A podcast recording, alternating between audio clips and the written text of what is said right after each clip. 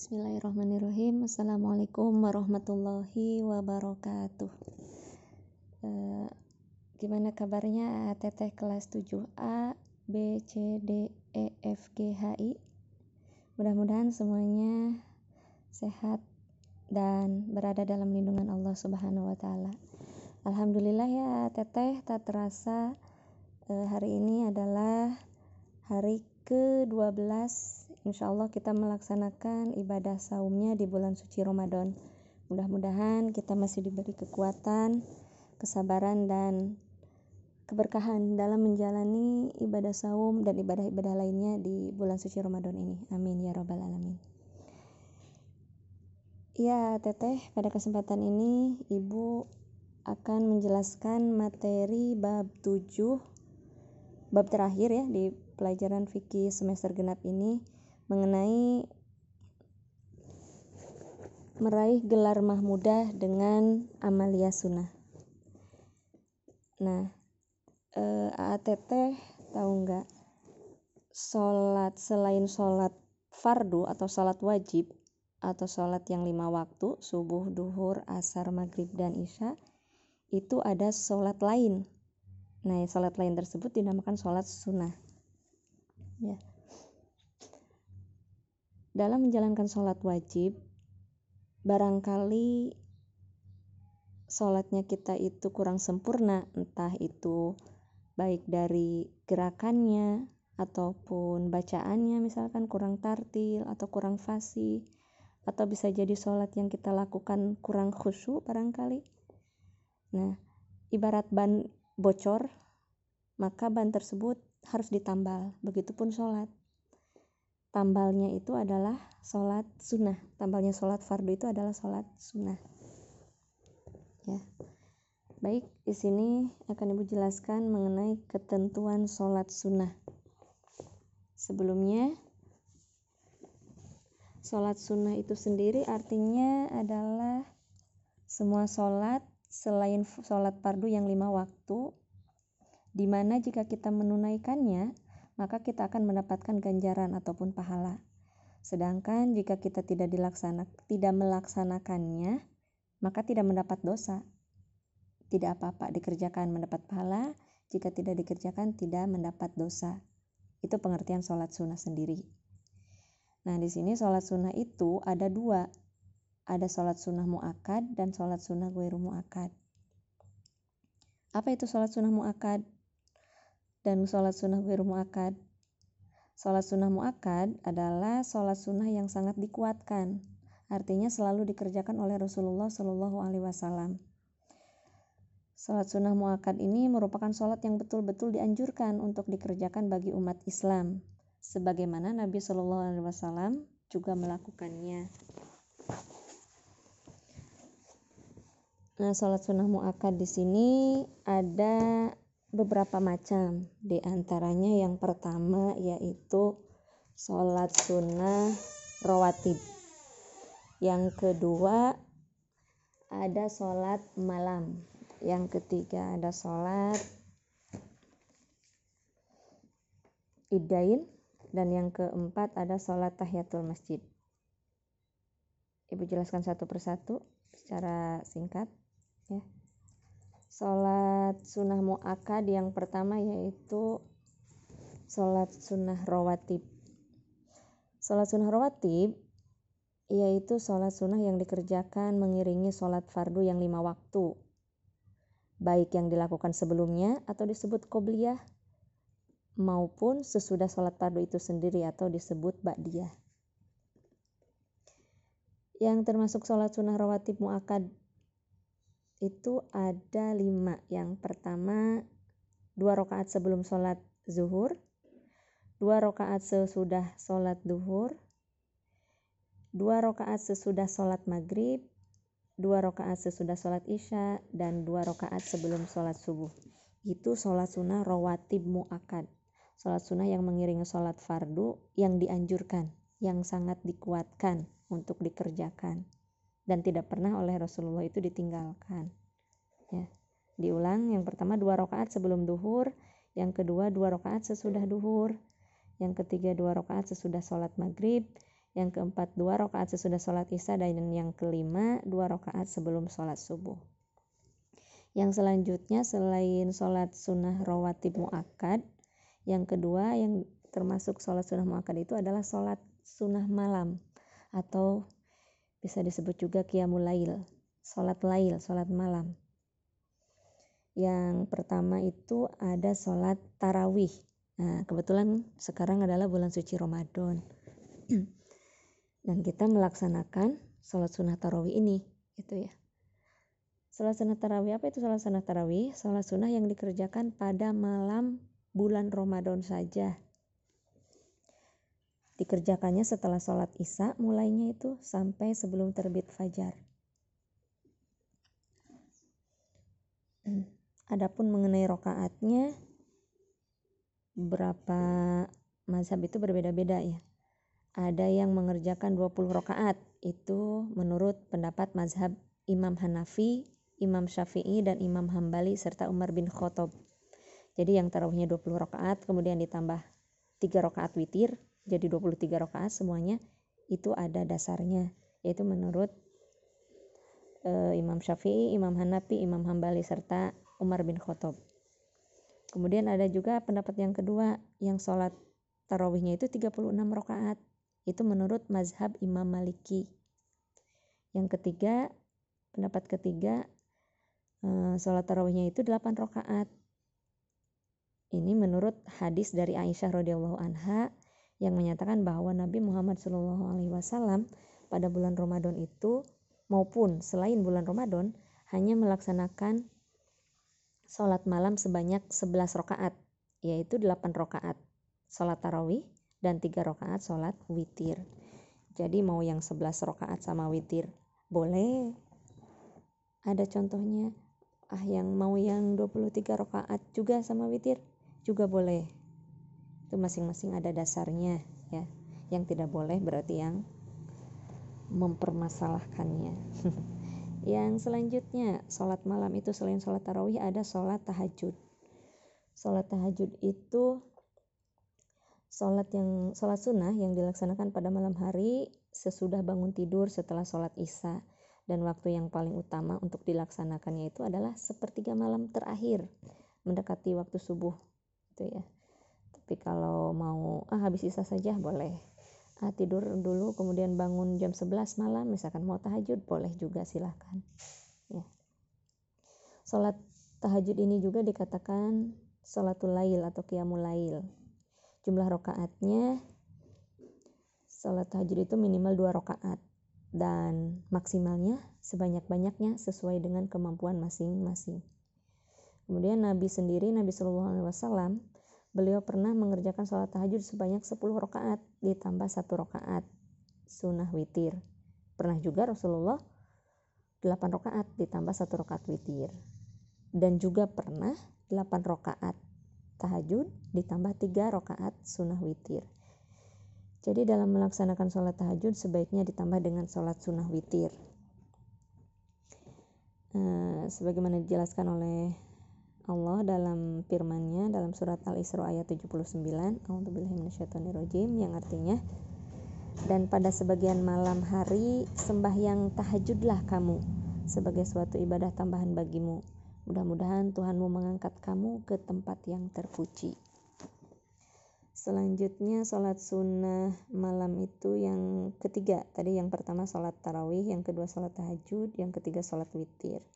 Apa itu sholat witir? Sholat witir ialah sholat sunnah yang dilakukan pada malam hari dengan jumlah rokaat yang ganjil. Paling sedikit itu satu rokaat dan paling banyaknya sebelas rokaat.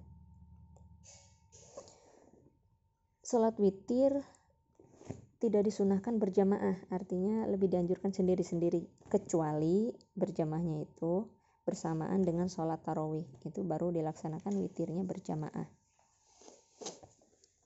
Sholat witir ini merupakan sholat penutup dari seluruh sholat malam. Waktunya boleh dimulai dari setelah sholat isya sampai sebelum terbit fajar.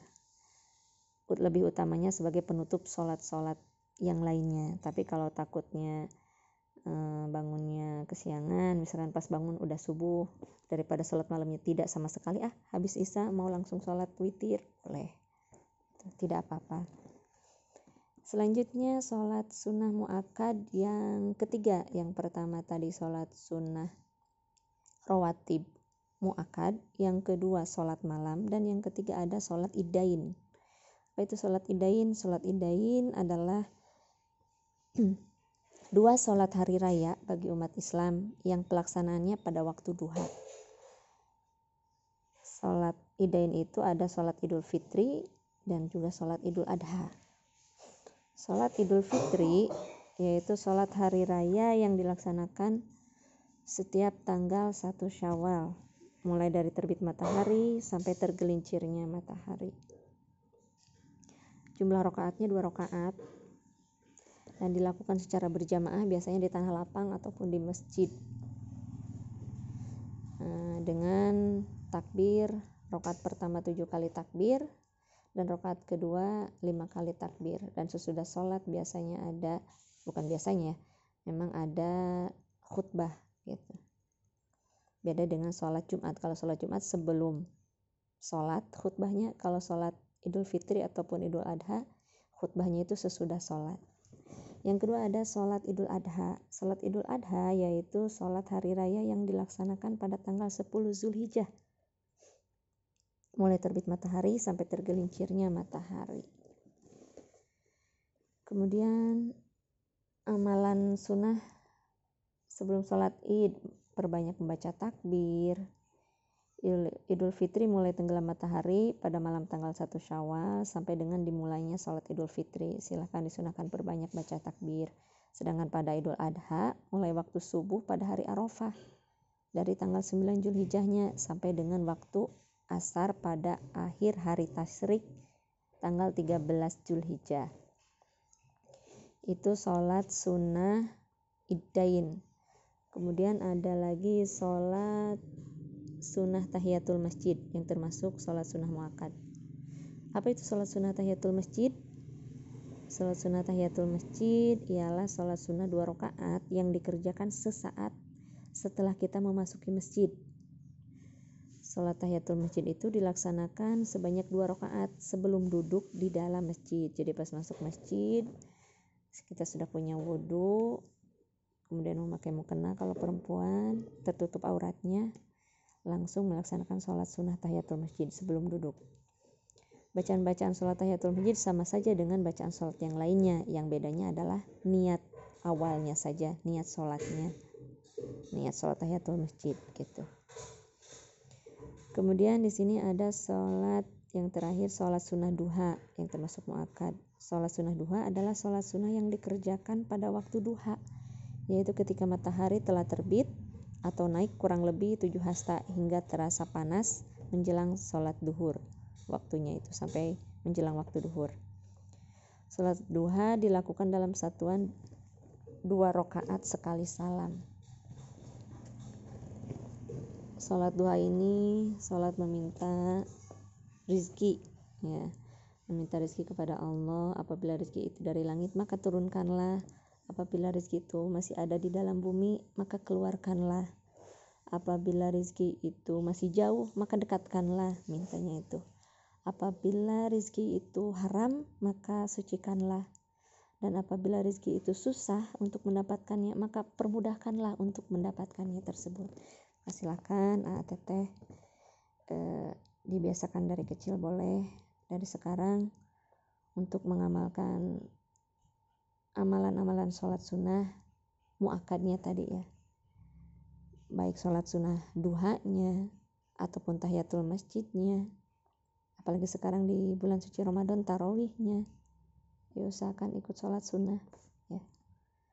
Oke, yang selanjutnya teteh di sini ada sholat sunnah gue muakad sholat sunnah muakad itu sholat sunnah yang dianjurkan yang dikuatkan yang selalu dikerjakan oleh Rasulullah sedangkan sholat sunnah gue muakad adalah sholat sunnah yang tidak dikuatkan. Apa maksudnya? Maksudnya adalah Rasulullah itu kadang mengerjakan sholat sunnah tersebut, kadang-kadang juga meninggalkannya. beda dengan muakad kalau muakad itu sering dikerjakan selalu dikerjakan selalu dilaksanakan oleh Rasulullah dan itu dikuatkan dan dianjurkan kepada kita sebagai umatnya untuk melaksanakannya. Kalau sholat sunnah gue muakad yang kurang dianjurkan ya. Tingkatannya itu lebih rendah dari muakad gitu. Yang Rasulullah kadang-kadang mengerjakannya kadang-kadang juga meninggalkannya. Apa saja macam sholat sunnah gue muakad Sini di antaranya yang pertama sholat sunnah rawatib gue mu'akad. Jadi sholat sunnah rawatib itu ada yang mu'akad, ada yang gue mu'akad. Kalau yang gue mu'akadnya itu empat rakaat sebelum asar. Sunnah qobliyah asar empat rakaat itu gue mu'akad. Dikerjakan boleh, tidak dikerjakan juga boleh. Tuh. Kemudian yang kedua, dua rakaat sebelum maghrib. Kalau sesudah maghribnya itu kan mu'akad yang dianjurkan sekali gitu kalau yang dua rakaat sebelum maghribnya itu juga boleh tapi termasuknya gue akad. Kemudian yang ketiga dua rakaat sebelum isya. Kalau sesudah isyanya itu badiahnya itu dianjurkan sekali atau muakad. Kalau sebelum isyanya sholat sunnah qobliyahnya itu termasuk sholat sunnah goiru muakad silahkan. Yang kedua, selain sholat sunnah rawatib gue akad, ada sholat istisqo. Apa itu sholat istisqo? Sholat sunnah untuk meminta hujan ketika musim kemarau panjang. E, berapa rakaat? Jumlahnya dua rakaat saja bertempat di tanah lapang. Dikerjakan secara berjamaah ketika musim kemarau, tidak ada turun hujan. Silakan uh, ATT bersama masyarakat setempat misalkan melakukan sholat sunnah istisqo sholat sunnah meminta ataupun memohon hujan kepada Allah supaya diturunkan hujan pada musim kemarau. Yang ketiga ada sholat gerhana. Dalam bahasa Arabnya itu sering disebut dengan istilah khusuf dan kusuf. Pakai kho dan kaf. Kalau yang pakai kho al khusuf sholat sunnah khusuf itu sholat sunnah gerhana bulan kalau yang pakai kaf, sholat sunnah kusuf, itu sholat sunnah gerhana matahari. Sholat sunnah ini dikerjakan ketika gerhana muncul atau sesudahnya. Maka disunahkan untuk melakukan sholat sunnah gerhana atau sholat sunnah khusuf atau kusuf. Kemudian yang terakhir ada sholat sunnah istikhoroh. Apa itu sholat sunnah istikhoroh? Sholat sunnah istikharah adalah sholat sunnah dua rakaat yang dikerjakan menjelang tidur malam hari atau terbangun dari tidur juga boleh. Ya, tujuannya adalah agar dipilihkan yang lebih baik dari dua pilihan oleh Allah Subhanahu wa Ta'ala. Pilihan tersebut ditunjukkan biasanya lewat mimpi tidur malam ataupun lewat keyakinan. Ah, misalkan ah, masih kelas 7 ya Eh, nanti keluar dari MTS saya mau melanjutkan ke mana ya? Ke SMK atau ke MA misalkan bingung di sana. Nah silahkan nah teteh melakukan sholat sunnah istikharah sholat sunnah meminta petunjuk supaya diberikan pilihan yang baik. Harus ke mana pilihannya? Biasanya lewat mimpi ataupun lewat keyakinan. Ah jadinya ke sini aja deh sekolahnya jadinya ke sana aja misalkan. Tuh. Silakan. Dikerjakannya pada waktu malam hari. Kemudian di sini ada hikmah sholat sunnah. Buat apa sih kita sholat sunnah? Gitu ya. Hmm, hikmahnya apa sih yang kita dapat yang kita peroleh kalau kita melaksanakan sholat sunnah? Yang pertama sholat sunnah adalah sholat yang berupa anjuran bukan wajib hukumnya ya. Tidak harus gitu tapi anjuran hikmah dan manfaatnya untuk menutupi kekurangan-kekurangan dalam sholat fardu, contohnya sholat rawatib. Tadi sudah dijelaskan waktu awal, barangkali sholat kita yang lima waktu subuh, duhur, asar, maghrib, dan isya uh, kurang khusyuk, baik dari bacaannya tidak tartil, kurang fasih, atau gerakannya kurang sempurna. Nah, supaya pahalanya sempurna, eh, cara menambahkannya itu dengan melakukan amalia sunnah sholat sunnah yang lain. Salah satunya sholat sunnah rawatib, sholat sunnah yang mengiringi sholat fardu. Ada qobliyah kalau sebelum sholat fardu, atau ada juga ba'diyah atau yang dikerjakan sesudah sholat fardu. Hikmah yang kedua yaitu orang yang sering melakukan sholat sunnah akan dinaikkan derajatnya dan digolongkan orang-orang mutakin. Apa itu orang-orang mutakin? Orang-orang yang bertakwa ya. Serta memperoleh ketentraman hidup lahir dan batin. Nah, bagi teteh yang galau tuh, obat hatinya itu adalah silakan perbanyak amalia sunnah, amalia sholat sunnah. Mudah-mudahan dengan melakukan sholat-sholat sunnah sebagai sholat tambahan, hati ya teteh menjadi tentram, lahir dan batin, nggak galau lagi.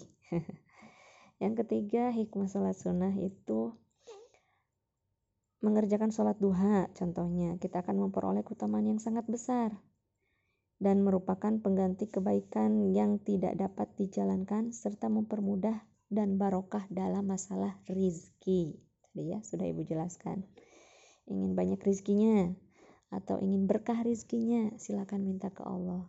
Ya Allah itu Ar-Razak, Maha Pemberi rizki. Baik ke ke semua hambanya Allah itu tidak pilih kasih ya ke non muslim ataupun muslim kalau dia mau berusaha dan berdoa akan Allah kasih rizki bahkan dari yang tidak disangka-sangka khusus bagi orang yang bertakwa dan mengerjakan amal soleh maka Allah akan berikan dia rizki yang cukup dan dari tempat yang tidak disangka-sangka. Ujuk-ujuk gitulah kalau menurut bahasa Sundanya mah. Ujuk-ujuk dapat rizki apa gitu. Kayak mendapat durian runtuh misalkan. Silahkan amalkan sholat sunnah duha. Paling sedikit dua rakaat. Paling banyak ada yang mengatakan 8 rakaat, ada yang 12 rakaat. Tiap dua rakaat salam dan ada doanya juga ya. Alhamdulillah di sekolah kita setiap hari Jumat e, dibiasakan sholat sunnah duha bareng-bareng gitu ya meskipun niatnya masing-masing. Bareng-bareng di masjid sekolah kita tercinta MTSN 3 Majalengka. Sudah kebiasaan bagus ya.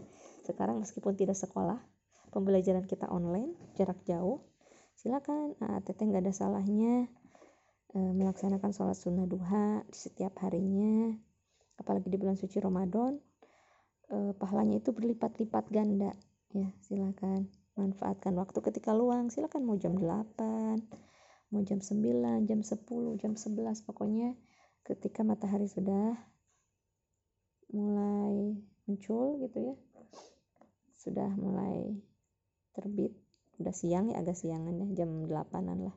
Setengah 8 jam 7 sampai sebelum sholat duhur silahkan sholat duha.